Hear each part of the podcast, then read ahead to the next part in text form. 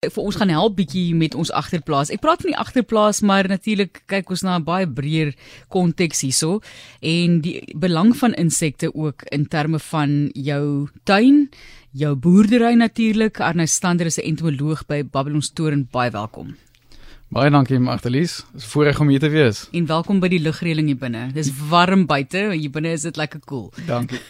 so, hoekom hoekom insekte? Ek het onlangs in die koerant gelees jy bou 'n hotel vir insekte. So, hoekom waar kom daai idee vandaan? Weet dit is 'n uh, ons het 'n twee groot insekhotelle daar by Babylon Storens, so ek weet nie of al die luisteraars al daar was nie, maar maak 'n plan kom daartoe en kom kyk na die twee groot insekhotelle. Ek is nie seker waar die geskiedenis begin het van insekhotelle nie, maar ehm um, dit is iets interessants en ook iets waardevols wat 'n mens kan um, in jou tuin sit. Um, vir insekte. Dit gee vir hulle huisvesting. So 'n insekhotel beteken letterlik hulle slaap daaroor, maar in die dag dan gaan hulle uit in die tuin of in jou agterplaas om om ekologiese funksies te verrig. Jy praat van groot. Hoe groot is daai insekhotelle wat want die een wat jy nou hier het is 'n klein ou boksie, maar ja. sekerlik vir 'n baie groter situasie of 'n konteks met iets groter nodig, maar hoe groot? Ja, kyk, daar is nie eintlik 'n beperking of hoe hy hoe groot hy moet wees nie. Jy is ook nie dat jy net een sien maar in jou tuin hoef te en jy kan eintlik gaan met klomp in jou tuin. So die enetjie wat ek hier het, ek wil amper sê hy is so 40 by 40 cm. So baie kleintjie. Die een wat ons daar op Babylon stoor in die twee, ehm um, is omtrent so 2 meter hoog. OK kan jy in hom inklim. Doen jy dit? Nee, nee. Hoe werk hoe werk dit vir jou as jy nou kyk na daai tipe van groot hotel? So ek sal nou nie fisies self daar inpas en inklim nie, maar ehm um, inklim met term van ek uh, maak seker die goedjies is alles nog reg daar, so daar is maar baie keer van die materiaal wat uitval soos 'n dennebol wat uitrol of 'n paar uh stokkies wat wat val en so aan, dan pak ek 'n mes maar net weer dit bietjie reg en knap dit bietjie op. Ehm um, ons moes ook ons een insekhotel vervang het. Hy het ook maar sy tyd gehad, so hy het vir 10 jaar gehou. Ehm um, so daar's nie veel wat 'n mens eintlik hoef te doen nie. Dit vat nie eintlik baie van jou tyd nie. Ehm um, en dit is eintlik 'n lekker aktiwiteit as jy kinders of kleinkinders het om hulle in te span en sê kom ons versamel 'n klomp materiaal en van hierdie goed kan jy veral in jou publieke parkie optel. Ehm um, ek het nou net genoem van dennebolle en jy kan stokkies vat en jy kan bas vat en jy groepeer dit alles saam. Jy kan besluit ook hoe jy die uitleg wil hê. Ehm um, en al hierdie verskillende materiale gaan verskillende insekte kan huisves. Jy praat nou van hulle gaan dan en verrig hulle biologiese doel. Wat praat ons van? Hoekom is insekte vir ons belangrik? So insekte is baie belangrik en is oral, ehm um, oral in die in die, in die wêreld. Ehm um, en daar is so verskillende vers, um ordes, groepe van insekte en hulle almal is belangrik in die ekosisteem. So as ons kyk na die insekhotelletjie wat ek hier ook het, um ek wys hom vir jou.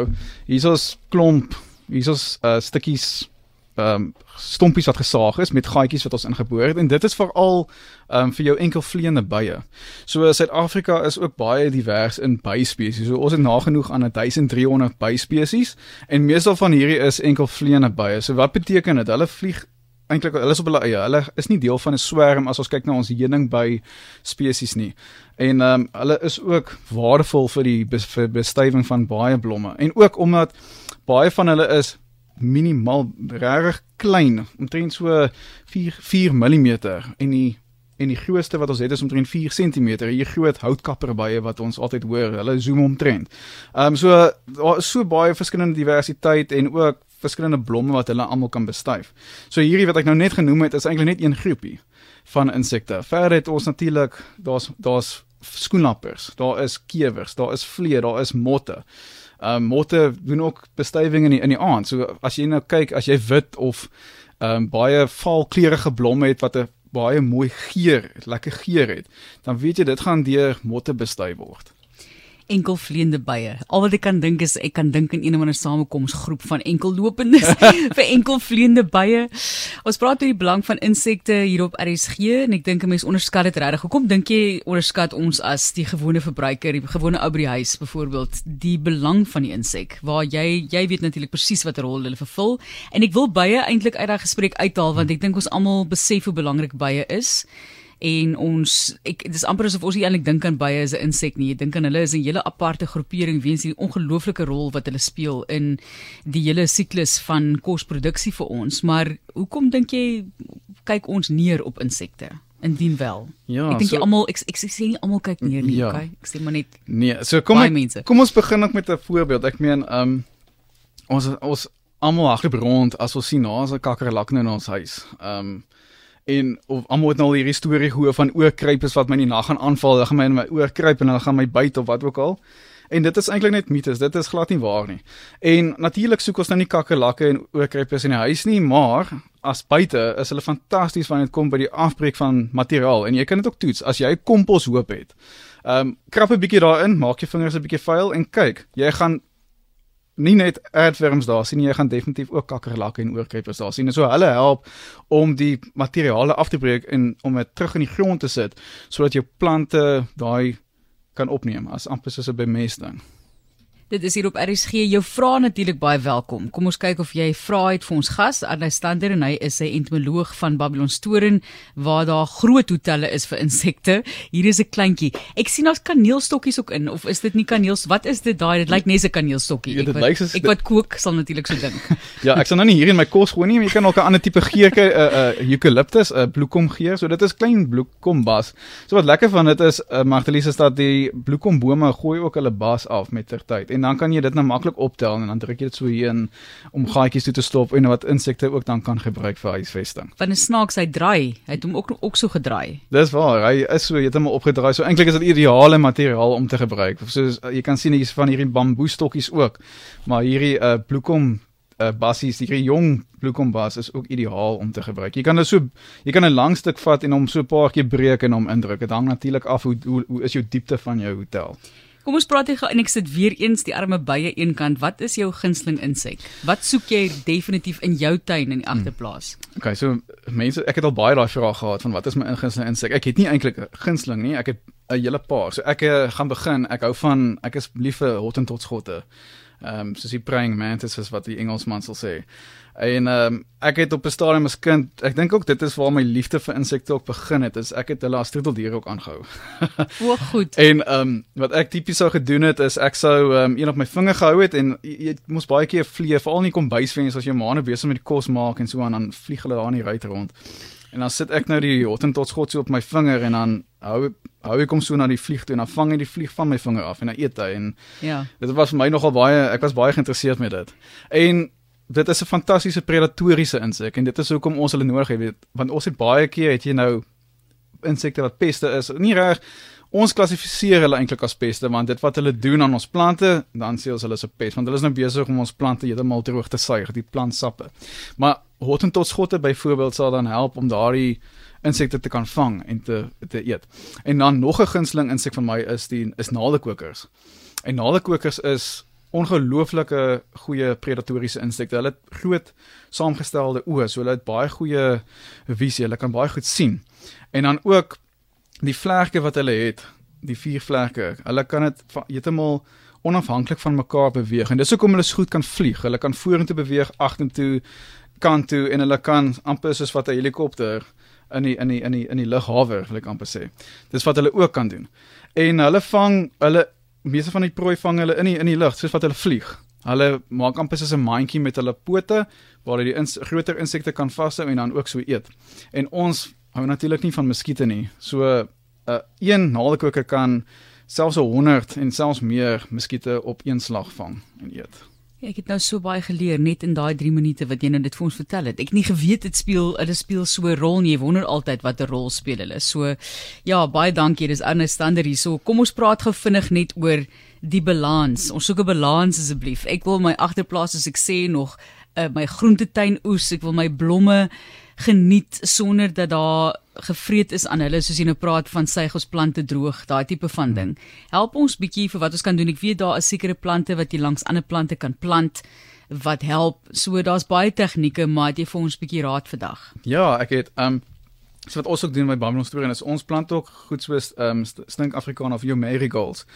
Uh plant ons is in in ons groentetuin en dit help om onder andere jou witvlieg weg te hou.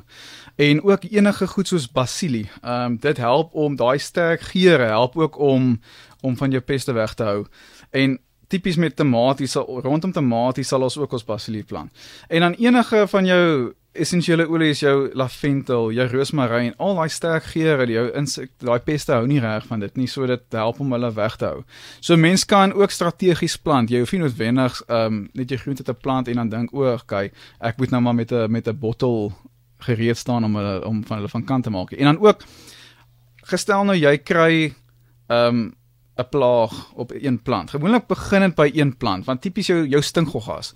Hulle lê die die Malia eiers gewoonlik op een gasheerplant en wanneer hierdie klein nimfies, ons noem nou die kleintjies en nimfies, as hulle nou uitbroei, dan voed hulle eers op daai spesifieke gasheerplant en tot hulle hulle sal 'n paar keer nou vervel en groter raak en dan sal hulle verder kan versprei en hulle is nog nie uh, hulle nog nie vlerke nie so hulle kan nog nie reg vlieg nie.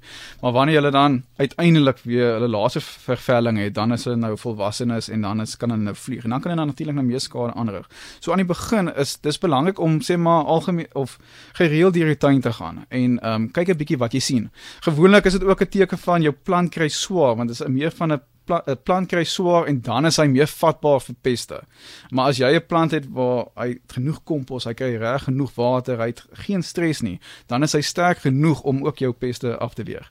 So jou jou peste weet sommer net wat om vir om vir die swakste plante gaan. En uh dit is hoekom dit belangrik is om seker te maak jou plante is gesond. En as jy nou peste kry op jou, sê maar stinkbesies sê maar kry op jou plant, dan kan jy dit ook met die hand net afhaal. Ehm um, so jy hoef nie eintlik eers 'n bottel te vat om te iets te spuit nie. So jy kan dit selfs net met die hand afval en dan verdrink jy die ehm um, klein goggetjies. Jy kan hulle in 'n bakkie water met 'n klein soos 'n druppel van jou skottelgoedwasser seep ingooi. Dit breek die spanning van die water. So dan in plaas van dat hulle gaan dryf, gaan hulle definitief sink en verdrink. Ai jene. Ja. Maar goed. die arme insekte. Jy weet, dit is 'n moeilike balans waar jy die, die arme goed so jammer kry en terselfdertyd besef goed wat gedoen moet word moet gedoen word. Anay, dankie vir die hotel wat jy dink ek dink jy baie mense mee geïnspireer het. Ek het geweet so iets bestaan nie. As ek hierdie hotel nou regtig gemaklik maak vir my insekte, gaan dit hulle ook aan een kant van die tuin meer hou. Ja, definitief. Ehm um, ek kyk hulle gaan definitief beweeg. So dis wat lekker is van die insekte, omdat hulle kan vlieg, dit gee hulle 'n baie groot voordeel. Hulle sal definitief in die hele tuin kan rondbeweeg. Ehm um, so waar ons nou nie gepraat van waar sit 'n mens in so 'n hotel nie. So hier is 'n baie kleintjie. So jy kan hom in 'n plek sit waar hy son kry, maar skaduwee is ook belangrik. So insekte is ektotermies, so dit beteken soos reptiele, hulle het die son nodig om om energie te kry. Ons is nou weer endotermies. Ons eet en veral in die winter eet ons nou meer om energie te kry. So die insekte um, in die hotel wil natuurlik nie oorverhit nie. So jy wil nie die insek hotel veral nie as jy hier in die Parel omgewing bly, ehm um, dit in die in 'n sonkol net sit nie. Uh laat dit ook 'n bietjie skade weer kry. En dan ook, jy moet ook in ag neem waar jou besproeiing is. As jy sproeiers het wat spuit na jou insekhotel, jy wil nie hê die hele insekhotel moet heeltyd nat wees nie, want dan kan jy nou weer met swamme en daai daardie klas van probleme sit. So beplan mooi oor waar jy hom kan sit en soos ek gesê het, ehm um, jy kan 'n hele paar van jou insekhotelle kan jy uh, rondsit en rondskuif in die tuin en dan spandeer 'n bietjie tyd daar. In 5 minute se tyd gaan jy definitief ietsie sien waar beweeg en skierige agies wat hoekom hoekom kyk vir kamers wat beskikbaar is. Hoe pragtig is dit, die nuuskierige aggies. Ons verwelkom die, die nuuskierige aggies as deel van daai biosfeer en ja, jy kan vir my vrae deurstuur, daar kan ons vir Anne weer nooi in die toekoms om te kom gesels en die pragtige hotel vir die insekte. Baie dankie dat jy gesels het, dat jy deurgery het. Jy is am seker nou ook druk besig met die tuine. Ja, ons is baie lekker vol. Ons het 'n goeie seisoen gehad. Uh, was besig vir al in die skoolvakansie. Ehm um, so dis baie goed vir ons en ons is bly dat vir almal wat ook uh deur die tuin gestap het om of te kyk wat ons doen en ehm um, daar's ook tuintoere wat 'n mens kan bywoon. Ehm um, en as julle meer van my ook wil sien, julle kan op uh, 11:30 toe gaan op 'n donderdag, dan vertel ek 'n bietjie meer van bye en insekte op my op my toer.